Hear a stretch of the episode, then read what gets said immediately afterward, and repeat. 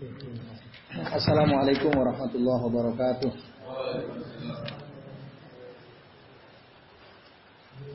Hamdalillah nahmaduhu wa nasta'inuhu wa nastaghfiruh wa na'udzu billahi min syururi anfusina wa min sayyiati a'malina may yahdihillahu fala mudhillalah wa may yudlilhu fala hadiyalah.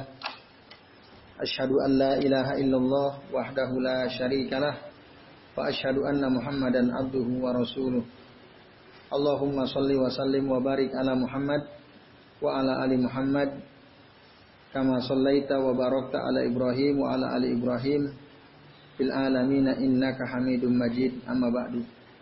Ikhwas sekalian, rahimani wa rahimakumullah. Alhamdulillah mulai malam ini ya kita pindah mudah-mudahan istiqomah di hari Rabu malam Kamis ya insyaallah. Dan kita memasuki bab ya, subbab dari al-usul al-aslu ar-rabi tentang tidak ada cara untuk mendapatkan kemuliaan kecuali dengan ilmu itu ya. Nah, kita akan membahas subbab yang diberi judul tahdid mukhalifir rasul bizzaigi wal awil kufar. Ancaman bagi orang-orang yang menyelisihi rasul dengan penyimpangan dan kekufuran. Nah, ini.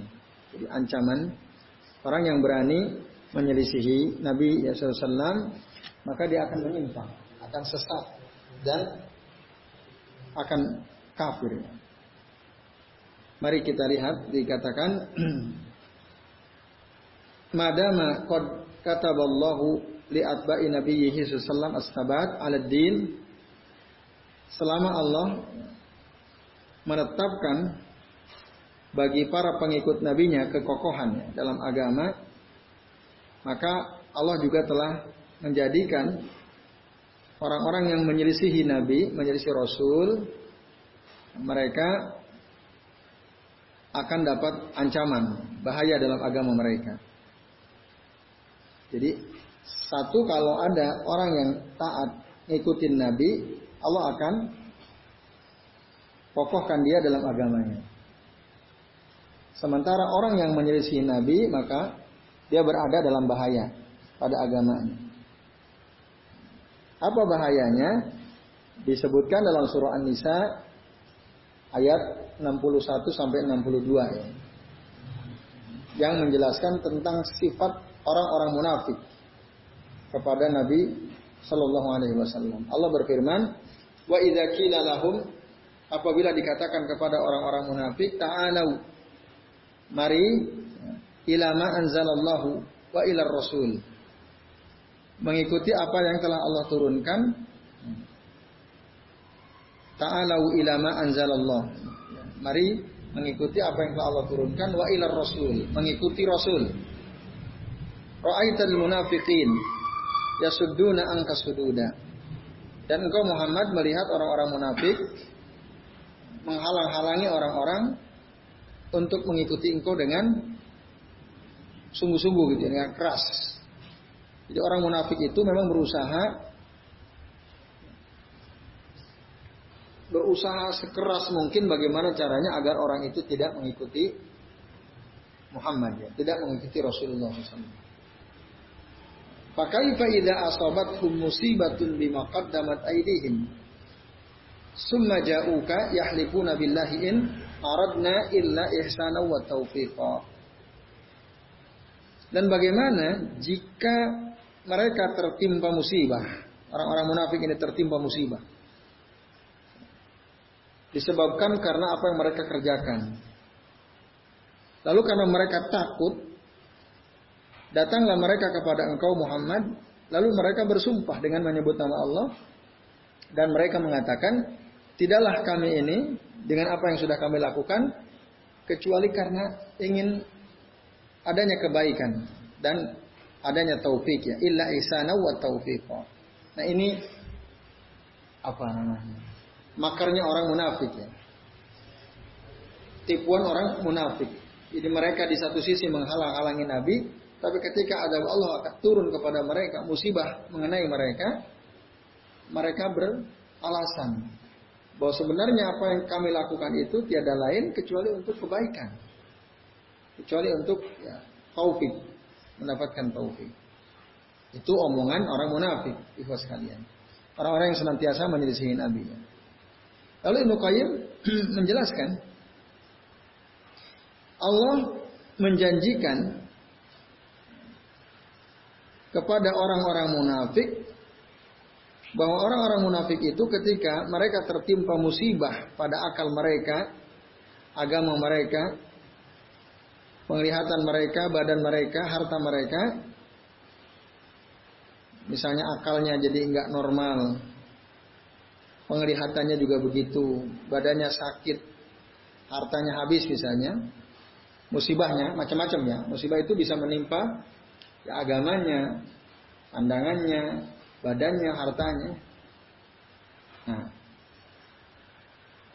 musibah yang menimpa tadi dari berbagai macam sisi kepada orang-orang munafik itu bisa babi iradihim amma jaa bihi ar-rasul. Itu disebabkan karena mereka berpaling dari apa yang dibawa oleh Rasul sallallahu alaihi wasallam. Wa tahkimu ghairihi. Dan mereka berhukum Bukan dengan hukum yang dibawa oleh Nabi. Wattahakum ilaihi kama qala. Kama qala ta'ala sebagaimana Allah Ta'ala berfirman, fa in tawallau fa'lam. Apabila orang-orang munafik itu berpaling dari ajaran Muhammad, dakwah Muhammad, fa'lam ketahuilah annama sesungguhnya yuridullahu an yusibahum.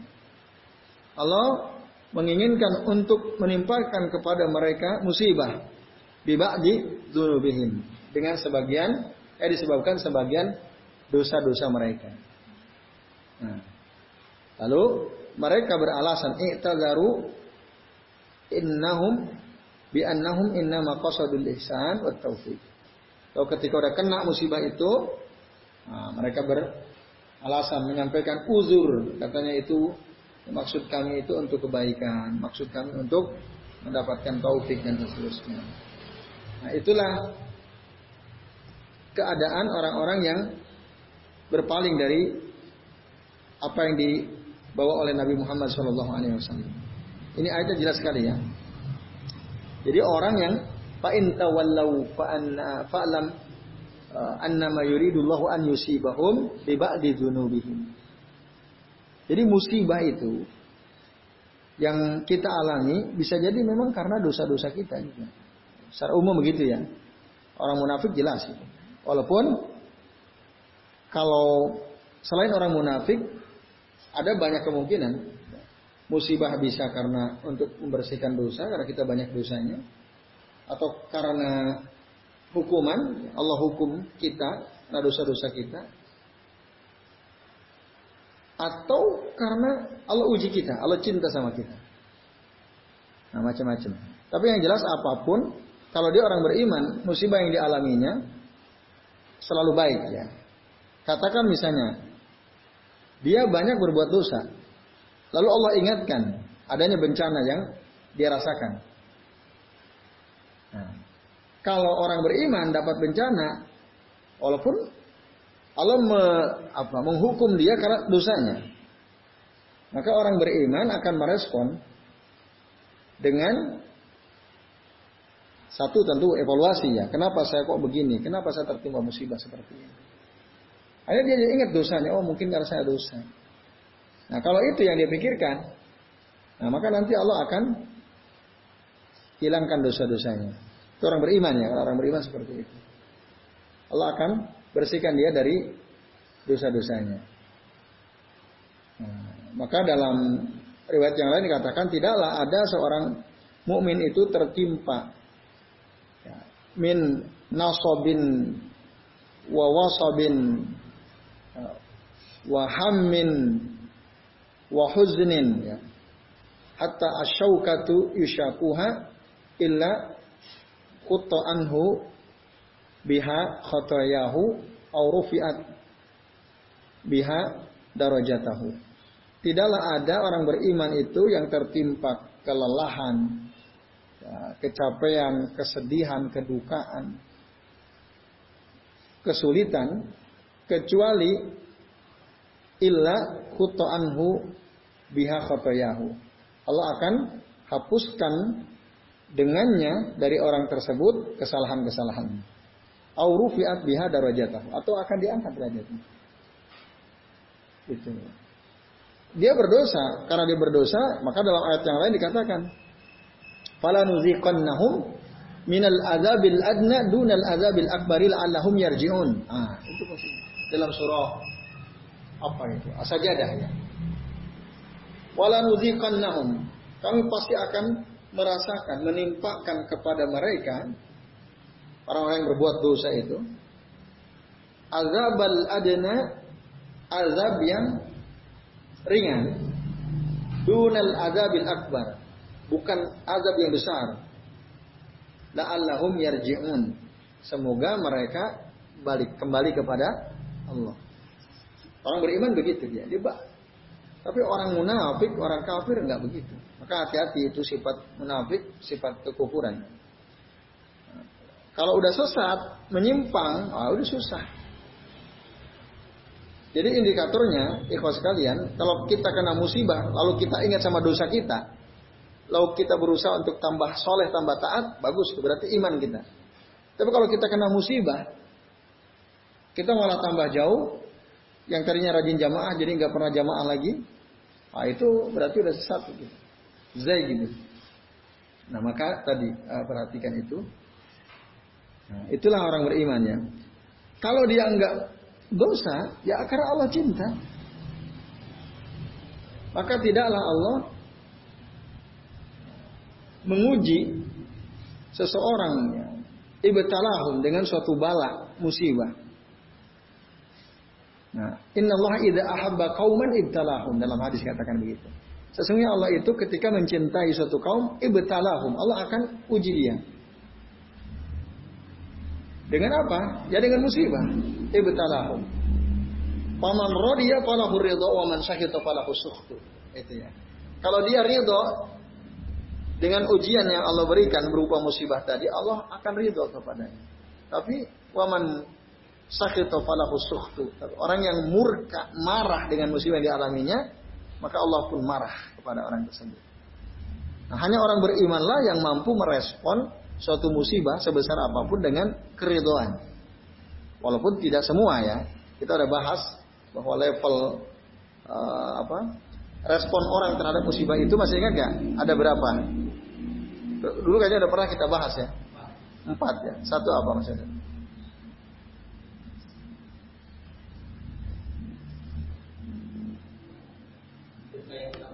apa? Marah. Emosi kan? Dia merespon dengan kemarahan itu. Nggak terima. Gitu ya. Hilang motor, marah-marah dia.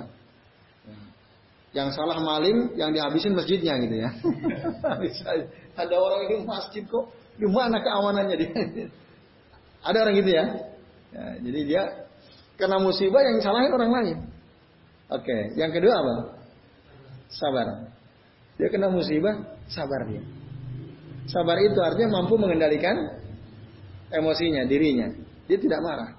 Walaupun dalam hatinya barangkali dia gerundel juga, dongkol juga, tapi dia bisa kendalikan. Itu sabar. Itu yang Allah perintahkan minimal sabar. Yang ketiga apa? Hah? Apa? Ridho atau ikhlas ya, ridho tadi. Man radiya falahu ridho. Kenapa kok orang bisa ridho ya? Dia udah paham semua apa yang akan terjadi pada dirinya itu udah ada catatannya. Nah, dia ridho. Ya sudah. Karena ini ketetapan Allah. Hilang motormu ya? Ya, nama apa? Hilang motor saya karena udah ada catatannya di lahir mahfud. Itu kan? Dia ridho, ya sudah. Ya gimana lagi? Kamu nggak usaha nyari? Ya ayo kita cari. Bisa. Apakah orang yang kemudian mencari, berusaha mencari, dia tidak ridho? Belum tentu juga. Bisa bisa jadi dia ridho, tapi oke okay, ikhtiar kita. Tapi hatinya udah ridho nih. Karena yang pun nggak ketemu ya sudah. Nah, itu level ke tiga. Nah, untuk sampai pada level ketiga ini, tentu dia harus sabar. Kalau nggak sabar nggak mungkin bisa ridho kan. Nah, lalu yang terakhir apa? Syukur ya, bersyukur. Nah, kok bisa orang kena musibah syukur? Orang kena musibah bisa syukur. Logikanya kan nggak masuk, ya kan? Kalau menurut logika murni kita, manusia ya nggak masuk kok isu orang kena musibah syukur ini. Nah, karena dia tahu ilmunya. Tapi orang yang ngerti ilmunya ya bisa, sangat mungkin. Jadi sesuatu menjadi tidak mungkin karena dia nggak punya ilmu. Tapi orang kalau punya ilmunya, sesuatu yang menurut orang tidak mungkin menjadi mungkin. Kan gitu ya. Nah, kalau kita disuruh bangun hotel 50 lantai, ya bingung kita ya. Karena kita nggak tahu ilmunya. Tapi kalau tukang insinyur teknik sipil ngerti dia. Gampang, harus bisa. Gitu juga dalam soal ngerespon musibah ini. Orang nggak tahu ilmunya, kok bisa syukur nggak mungkin.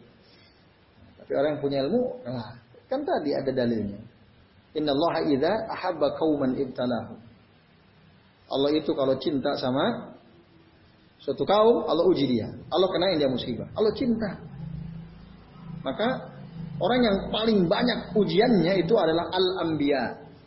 Kenapa? Karena Allah sangat cinta kepada mereka. Jadi kita kena musibah. Ya Rabb. Alhamdulillah. Berarti Allah masih cinta kepada saya. Walaupun yang kepedean juga. Jangan-jangan yang lain kan gitu. Tapi atau setidaknya tadi dosa kita diam. Ya Allah, ya saya ngerasa dosa saya banyak sekali ya Rob. Nah, mudah-mudahan dengan musibah ini engkau ampuni dosa-dosa hamba. Kan gitu. Maka di antara doanya apa? Allahumma ajurni fi musibati wahlubli khairan minhu. Itu. Nah ini ikhlas sekalian, azan ya Allah wa nah, Orang kafir, orang munafik, ya karena musibah bingung dia. Masih berkelit saja. Seperti disebutkan dalam surah An-Nisa ayat 61 sampai 62. Nah, Terus kalian kemudian Nah celakanya lagi Musibah yang menimpa Agama seseorang Dan agama itu adalah urat nadi dirinya Urat nadi kehidupannya Sehingga akhirnya ini yang paling celaka ya Udah kena musibah Kemudian dia kufur Nah tusibu min dinil mar'i maktalan hatta yakfura. Nah, ini yang paling celaka ya. Kena musibah lalu kemudian ku kufur. Suaminya meninggal dunia. Musibah berat bah, bagi seorang istri yang punya anak apalagi. Suami meninggal, anaknya masih kecil-kecil, itu musibah. Lalu ada nggak orang karena ditinggal suaminya jadi kafir? Ada. Dia bingung kan, waduh selama ini suami yang cari uang, cari maisha, sementara dia di rumah.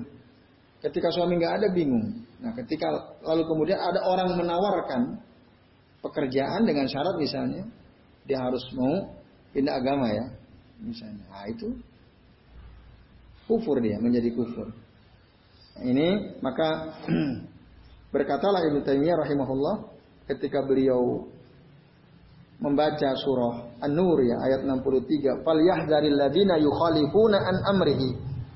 Berhati-hatilah, ya hendaklah berhati-hati orang-orang yang menyelisihi perintah Rasul antusibahum fitnatun au yusibahum adzabun alim. Nah, ini. Ayat ini tegas sekali menjelaskan bahwa orang yang menyelisihi perintah Nabi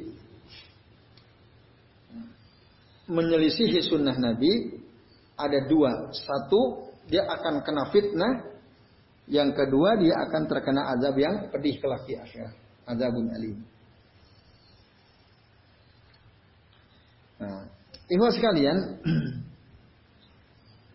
urusan orang yang menyelisih perintah Rasul, nah, an yuhazirul fitnah, karena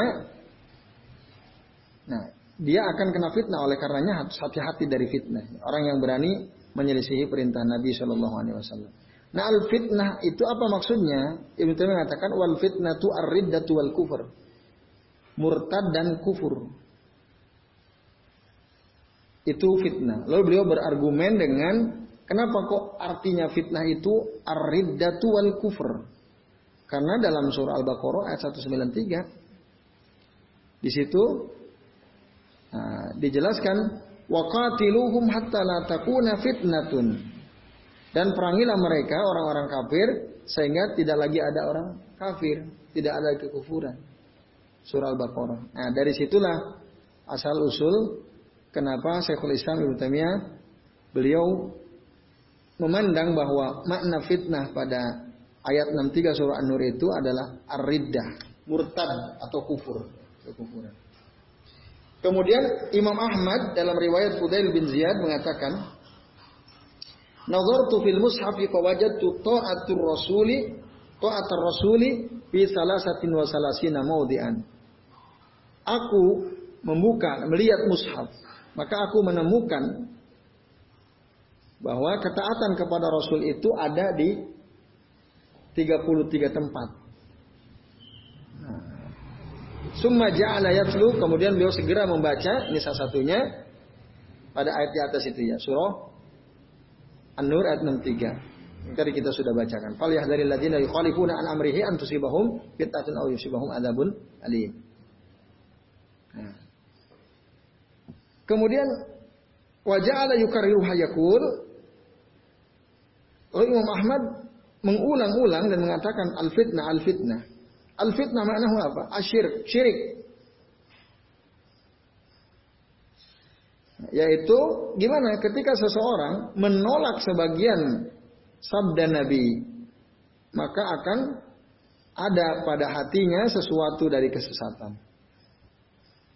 Jadi orang yang menolak sebagian perkataan Nabi, maka dalam hatinya nanti akan ada kesesatannya. Ayaqa'a fi qalbihi syai'un Lalu kalau begitu, hatinya menjadi sesat, binasalah dia. Lalu kemudian beliau mengutip ayat berikutnya, ayat 65 dari surah An-Nisa, "Fala wa rabbika la yu'minuna hatta yuhaqqimuka fi ma syajara bainahum." Ketahuilah sesungguhnya Tuhanmu ya, demi Tuhanmu la yu'minuna hatta yuhaqqimu. Mereka itu tidaklah beriman kepada engkau Muhammad ya. Sehingga mereka menjadikan engkau sebagai pemutus atau hakim dalam perkara yang mereka perselisihkan ya fima syajara bainahum dan seterusnya. Nah, artinya ikhwas sekalian berdasarkan ayat ini bahwa orang yang dikatakan betul-betul beriman pasti dia akan tunduk pada sunnah Nabi ya. Karena dia menjadikan Nabi atau sunnahnya sebagai pemutus hukum. Itulah sebabnya dia dikatakan beriman. Dia beriman. Sempurna imannya. Nah ini. Mafhumnya, apa lalu yang kita bisa pahami dari ayat ini? Berarti orang yang tidak berhukum atau tidak menjadikan Rasul sebagai pemutus hukum, yang menetapkan gitu perkara penting dalam kehidupan umat manusia ya.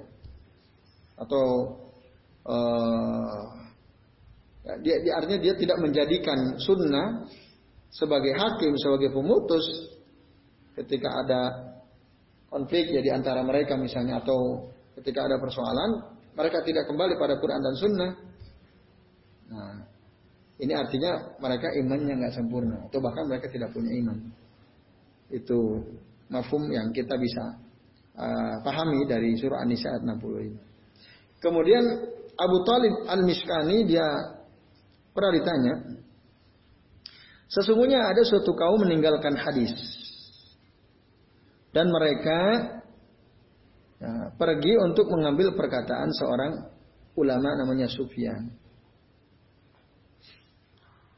Nah, jadi ada tokoh namanya Sufyan dia ini orang alim, omongannya sering didengar oleh banyak orang Sufyan ini. Nah, Abu Talib al-Miskani beliau merasa heran, kok ada ya kaum mendengar hadis tapi dia nggak peduli, dia justru peduli kepada kata-kata Sufyan. Itu. Nah, orang yang seperti itu dianggap aneh gitu ya. Padahal mereka ngerti hadis, mereka bahkan ngerti sanadnya. Tapi mereka meninggalkan hadis tersebut dan mereka mengikuti kata-kata tokohnya Sufyan tadi. Ini bahaya orang yang kayak begitu. Nah, sama misalnya dalam konteks kekiniannya. Orang banyak membincangkan walaupun ini terulang-ulang kan, bertahun setiap tahun pasti akan terulang, akan terulang. Amalan di bulan Rajab itu ya. Nah, ketika jelas tidak ada dalil sahih yang terkait amalan khusus di bulan Rajab, nah, kemudian ada sebagian orang justru memandang banyak sekali amal-amal utama dalam bulan ini ya, bulan Rajab ini. Kemudian ada Habib bicara, mungkin ada ustadz yang ngomong, ada kiai ngomong begitu ya. Yang menegaskan, oh istighfar, barang siapa istighfar sekian kali di bulan Rajab maka begini-begini. Barang siapa yang sholat rogaib misalnya akan sekian rakaat antara maghrib dan isya akan dapat ini dan itu misalnya. Nah, itu ya teman-teman sekalian. Maka tadi orang yang uh, mengikuti pendapat ulamanya, tokohnya, padahal pendapat tokohnya itu bertentangan dengan sunnah, tentu karena dia ngikutin tokoh, dia meninggalkan hadis kan. Dia menerima perkataan tokohnya, nah ini bahaya. orang yang seperti ini dan itu telah terjadi pada zaman Sufyannya.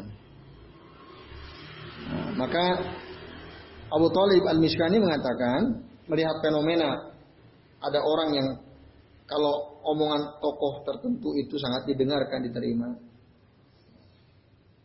Lalu dikutiplah surah An-Nur ayat 63 diulang lagi faliyah dari ladina yukhalifuna an amrihi an tusibahum fitnatun au yusibahum azabun alim.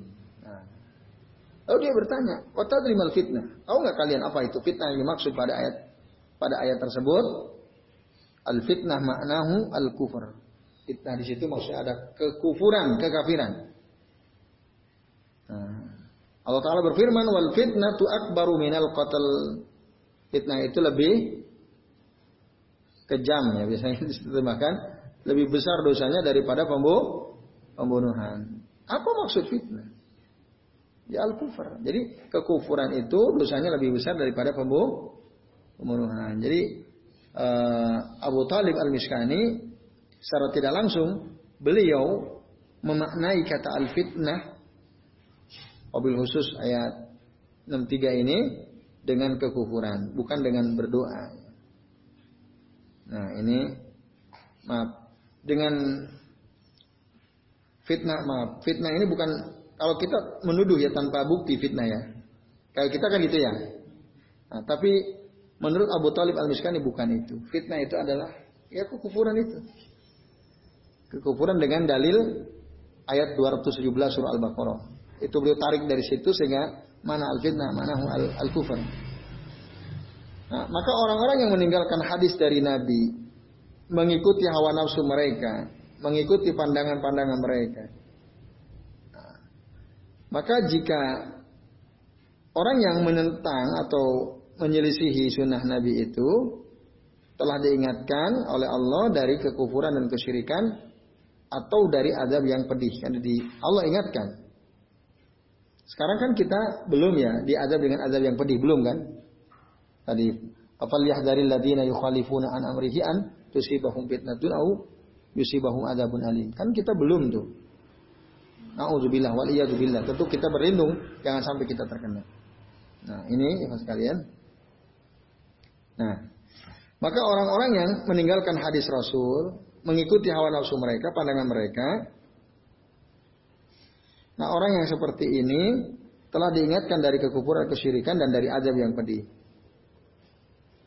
Dan ini sekaligus menunjukkan bahwa uh, fitnah tersebut mendorong ya atau kekufuran tersebut atau menyelisihi ya sunnah Nabi tersebut mendorong seseorang menjadi kafir atau mendapatkan azab yang pedih ya al azab al alim nah ini Maka para ulama salaf ya, dulu mereka mengatakan asra'un nasi riddatan ashabul ahwa. Manusia yang paling cepat murtadnya adalah orang-orang yang mengikuti hawa hawa nafsu. Kata dalam konteks rojab gitu kan. Ada orang Barang siapa yang membaca salawat begini-begini maka akan seperti ini. Barang siapa yang beristighfar 3000 kali maka akan seperti seperti ini. Nah, ada tokoh bilang begitu. Ya ada orang nerima omongan si tokoh. Ketika kita udah jelaskan ini loh dalilnya ini. Para ulama tidak ada satupun yang ahlul hadis ya yang dekat dengan hadis mengatakan ada amalan-amalan khusus di bulan Rajab. Tapi karena ada kiainya, ada habibnya dia ngomong, saya punya grup gitu ya, macam-macam. Nah itu kalau saya nge-share sesuatu yang sensitif menyinggung kebiasaan mereka, nah, langsung rame itu. Nah, bahkan berusaha bertahan dengan memposting tulisan lain atau video ya ceramah seorang tokoh gitu. Yang nanti pada akhirnya saya lebih mengikuti tokoh ini. Pada akhirnya kan begitu. Nah, ini maka orang yang bersikap seperti itu itu juga termasuk mereka yang uh, menyelisihi sunnah Nabi Shallallahu Alaihi Wasallam. Nah, sekali lagi asraun nasi riddatan ashabu al ahwa. Manusia paling cepat murtadnya adalah orang-orang yang suka mengikuti hawa nafsu. Nah, lalu untuk sekalian kita katakan, walau makana aslu kufrin ahlu ahli, ahli kitab min jihadi mukhalafat rasul. Ketika kita tahu asal usul kekafiran ahlul kitab yaitu karena mereka menyelisihi rasul. Min jihati mukhalafat rasul kalau Allah taala Allah taala berfirman ittakhadhu akhbarahum wa ruhbanahum arbaba min dunillahi wal masiha ibnu maryam. Mereka orang-orang Yahudi dan Nasrani menjadikan tokoh-tokoh agama mereka, ahbar, tokoh agama orang Yahudi, ruhban, tokoh agama orang Nasrani. Arbaban, menjadi Tuhan-Tuhan min dunillah selain Allah. Ya. Wal Masih ibnu Maryam dan Nabi Allah Isa uh, putranya, putranya Maryam ya, di, disebutkan dari sini wal Masih ibnu Maryam. Jadi kebiasaan orang Yahudi, orang Nasrani itu mereka menjadikan tokoh-tokohnya sebagai Tuhan, arbaban. Dalam konteks umat Islam ada ada tadi. Dia cenderung ngikutin tokohnya, meskipun tidak ada hadis sahih gitu ya, yang menjelaskan. Tapi enggak, dia enggak peduli. Yang penting tokoh saya ngomong begini ya saya seperti itu. Nah, itu dia ngikutin hawa nafsu ya, enggak peduli kepada dalil kepada sunnah. Nah itu teman-teman sekalian azan ya Allah wa dan dalam ayat ini, teks ini ada dua faidah penting. Yang pertama, sebab kekufuran mereka adalah karena sikap mereka yang mengagung-agungkan ulamanya, mengagung-agungkan uh, tokohnya. Itu itu bisa menjadi penyebab seseorang menjadi kafir. Karena mengkultuskan takdis, mengkultuskan asakhs ya, seseorang. Itu. Maka orang yang mentakdis, memandang hebat, ya, oh, bahkan memandang harus ditaati tokoh-tokoh mereka.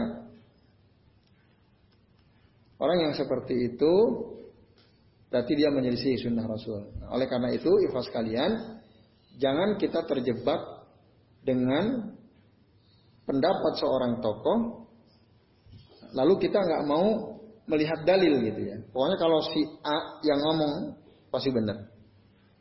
Kalau kita nggak ngerti dalilnya. Kalau Kiai A ngomong pasti benar. Kita nggak ngerti dalilnya. Nah, dan itu banyak viral ya. Dia percaya pada Habib ini, Kiai ini dan ini uh, tulisan tentang keutamaan amalan ini dan itu di bulan ini ya, di bulan Rajab misalnya. Nah, dia percaya walaupun sudah disodorkan kepadanya ini loh dalil, ini hadisnya, ini penjelasannya. Mereka nggak peduli. Nah, ini maka mereka orang yang tidak peduli kepada sunnah merupakan orang yang paling cepat murtadnya. Nah ini. Nah orang kalau sudah mengagung-agungkan ulamanya sehingga Allah murka kepada mereka karena haknya hak Allah uh, apa? Tentu ditaati ya. Hak Allah ditaati dan dimuliakan. Tidak boleh ada yang lebih mulia daripada Allah Subhanahu wa taala dan rasulnya. Nah, oleh karenanya orang yang berpaling dari Quran Sunnah tidak berhukum dengan keduanya, dia malah apa? menyandarkan kepada tokohnya gitu ya, bukan kepada dalil. Nah itu, itu sebab kekufuran mereka.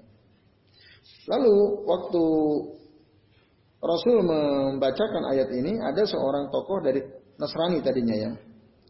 Yaitu Adi bin Hatim dia bilang, "Ataitu Nabi sallallahu fi unuki min zahabin." Waktu itu aku datang ketemu dengan Nabi dan di leherku ini ada salib salib dari apa min zahab? Dari emas. Salib min zahab ya. Lalu Rasul bilang, "Ya Adi, itrah angka hadal wasan." Wahai Adi, engkau buang berhala inimu itu apa salib itu engkau buang itrah angkat hadal wasan dan aku mendengar kata Adi bin Hatim Sami itu yakra'u min surat Baro'ah. Aku mendengar Rasul membaca surah salah satu ayat dari surah Al-Baro'ah. Al-Baro'ah itu surah Taubah ya. Surah Taubah dari mulai ayat berapa? Ya, tidak disebutkan ya ayatnya atau disebutkan dalam hadis riwayat Imam At-Tirmidzi. Nah, lalu uh, dialog antara Nabi dengan Adi bin Hatim tadi Amma innahum ya qala amma innahum lam yakunu ya'budunahum Sesungguhnya mereka itu tidak menyembah amma innahum lam yakunu ya-, ya'budunahum. Sesungguhnya ini kata Adi bin Hatim. Mereka orang-orang Nasrani itu tidak ada satupun yang menyembah tokoh-tokohnya. Tidak ada. Itu kata orang munafik. Itu tidak ada yang menyembah tokohnya. Nah. Tapi walakinnahum kanu idza ahallu lahum syai'an istahalluhu wa idza harramu alaihim syai'an harramuhu.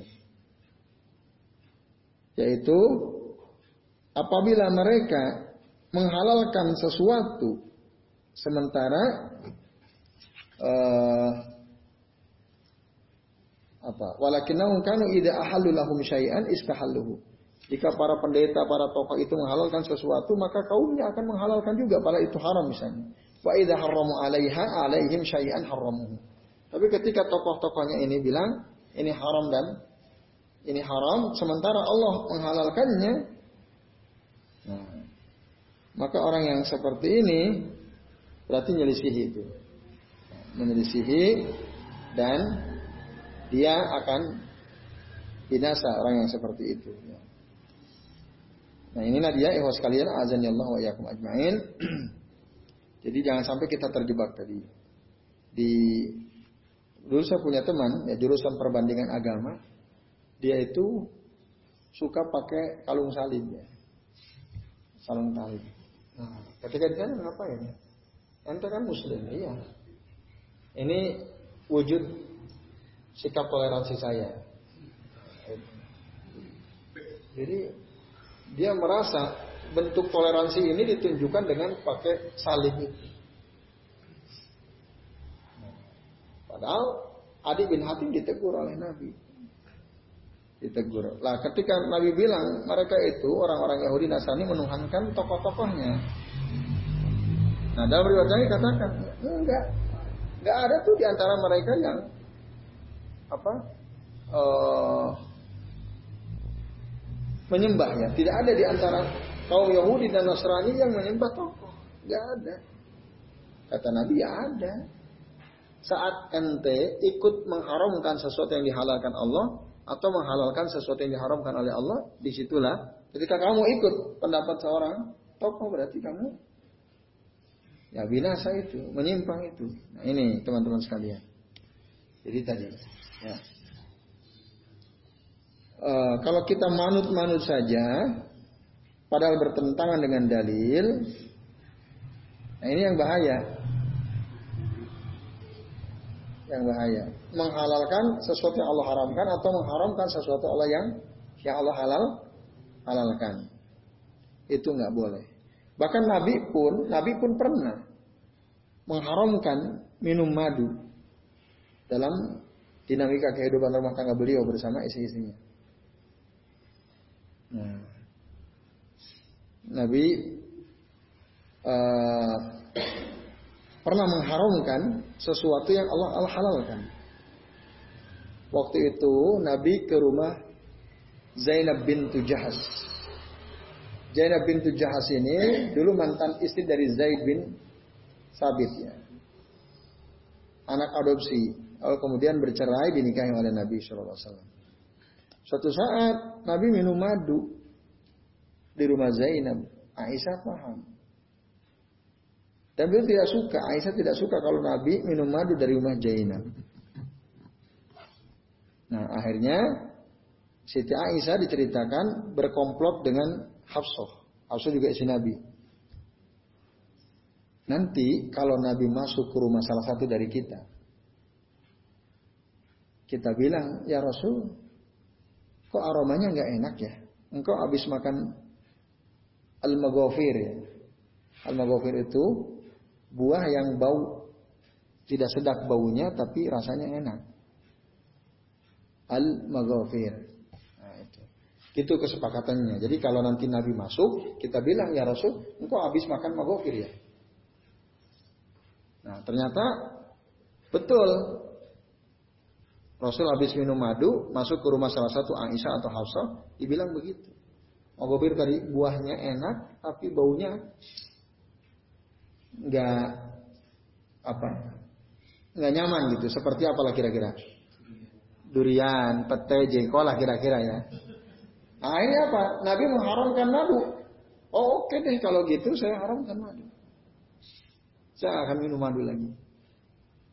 Untuk apa? Supaya Aisyah dan Hafsah ridho kepada Nabi Sallallahu Alaihi Wasallam. Lalu ditegur oleh Allah. Ya ayuhan Nabi, lima tuharrimu ma ahallallahu lak. Tabtagi mardata azwajika. Wallahu ghafurur rahim. Wahai Nabi, kenapa engkau mengharamkan Ya, sesuatu yang aku sudah halalkan untuk engkau. Engkau haramkan ini gara-gara hanya sekedar untuk mendapatkan apa? Ridho dari is, istrinya. Marudha tabtagi mardata ajwajihi. Nah, itu nggak boleh. Ditegur langsung. Madu halal kok dibilang haram. Ya kan? Nah, itu ditegur langsung oleh Allah Subhanahu wa taala. Ini sekalian. Nah, tapi orang-orang Yahudi dan Nasrani ketika pemimpinnya mengatakan sesuatu padahal bertentangan dengan Quran Sunnah diikuti. Nah itulah saat di mana engkau telah menjadikan mereka sebagai arbab ya Tuhan tuh Tuhan. Nah, ibu sekalian, azan ya Allah ya Uh, lalu yang kedua dikatakan bahwa uh, fil iktisar secara ringkas alat tandid bisani il Yahudi wan Nasara. Ya. Apa yang sudah dilakukan oleh orang Yahudi dan Nasrani adalah peringatannya. Tanbihan ala kismail mukhalafah rasul terhadap dua perkara yang menyelisihi rasul ya. Tidak yang ketiga. Jadi ada dua kemungkinan. Itu. Kemungkinan pertama ini orang yang menyelisihi Rasul. Ya. Kemungkinan pertama dia akan bersikap tafrid. Tafrid itu meremehkan. Tafrid itu artinya meremehkan. Meremehkan siapa? Yang meremehkan orang-orang yang uh, yang mendakwahinya. Ini tafrid, sikap meremehkan. Nah, ini penyimpangan itu bisa dilakukan terjadi dengan dua cara. Satu sikap meremehkan tafrid, yang kedua ifrad. Ifrad itu berlebih-lebihan, berlebih-lebihan. Maka orang-orang Yahudi itu karena dia bersikap tafrid meremehkan dakwah yang dibawa oleh para nabi, mereka berani mengusir nabi, bahkan memusuhi, bahkan membunuh nabi. Mengabaikan sunnah-sunnahnya. Nah, itu namanya tafrid. Kalau ada orang udah tahu sunnah, ah, gak usah, gak usah ngapain ini, apa, bikin kita ribet aja nggak usah menjalankan sunnah misalnya. Nah, ketika ada orang bilang begitu berarti dia tafrid, sedang meremehkan tadi, akan membunuh. Yang kedua ifrat, ifrat kebalikannya. Kalau tafrid uh, apa tadi tafrid meremehkan, kalau ifrat berlebih-lebihan. Ya. Yang melakukan tafrid itu orang Yahudi, melakukan ifrat itu orang Nas Nasrani. Tafrid lebih tinggi keburukannya daripada ifrat. Tafrid itu ya. Lebih tinggi keburukannya daripada ifrat. Kalau tafrid tadi meremehkan, menolak, bahkan membunuh. Kan berlebihan tuh sikap orang Yahudi kan. Sedangkan ifrat nah, adalah uh, sikap yang berlebih-lebihan gulu ya, gulu di dalam menghormati orang ya. Sehingga karena sikap gulu itulah orang-orang Nasrani yang bersikap ifrat ini dia uh, apa tadi berlebihan. Sehingga mereka mengatakan Isa itu anaknya Allah kan gitu ya? Isa bin Allah Wakalatin Nasara Isa bin Allah. Orang-orang Nasrani mengatakan Isa adalah anak Allah. Nah ini sikap ifrat. Ifrat itu berlebih-lebihan. Nah di sinilah sekalian mukjizat Al-Quran telah datang kepada kita peringatan-peringatan dari Quran. Di antaranya uh, apa? Muktarini nabi hadisin wahidin. Saling berkaitan dalam satu hadis yaitu firman uh, maaf sabda Nabi SAW di mana Nabi mengatakan dalam hadis sahih At-Tirmizi da'uni ma taraktukum da'uni ma taraktukum artinya uh,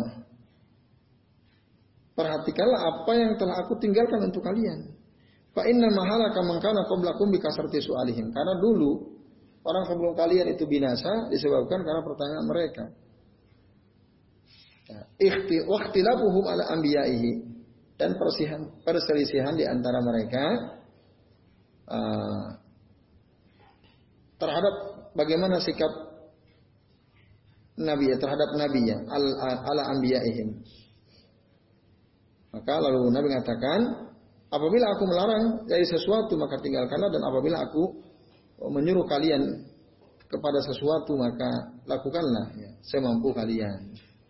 Ini ikhwas kalian azan ya Allah wa iyyakum ajmain. Uh, sampai sini dulu ya. Sikap iprot dan taprit itu nggak bagus, kita akan binasa. Orang-orang dulu binasa satu kali banyak bertanya, lalu kemudian menyelisihi Nabi. Nah, kalau umat Nabi jangan begitu. Maka apabila Nabi menyuruh sesuatu lakukan, Nabi melarang sesuatu maka tinggalkan. Nah, ini ikhlas sekalian, azan ya Allah wa ajmain apa yang kita bisa bahas ya. Jadi saya kira cukup. Ini sudah jam hampir jam setengah sebelas ya. Jadi ini saja. Mudah-mudahan bermanfaat. Maka mudah-mudahan kita tadi dijauhkan dari sikap menyelisihi Rasul ya. Karena ada dua kemungkinan kalau nggak kafir berarti saya sesat. Berarti kita ngikutin tokoh atau ngikutin hawa nafsu kita. Jangan. Ikuti Quran, ikuti sunnah. Ya, saya kira ini. Selebihnya uh, sebelum saya akhiri, eh, sebelum saya serahkan waktu ke Mas Abdo, ya saya akhiri dulu. Nanti kalau ada yang mau ditanyakan setelah diakhiri bisa ya. Baik. Akhiri billahi taufiq hidayah. Wassalamualaikum warahmatullahi wabarakatuh. Ya, monggo.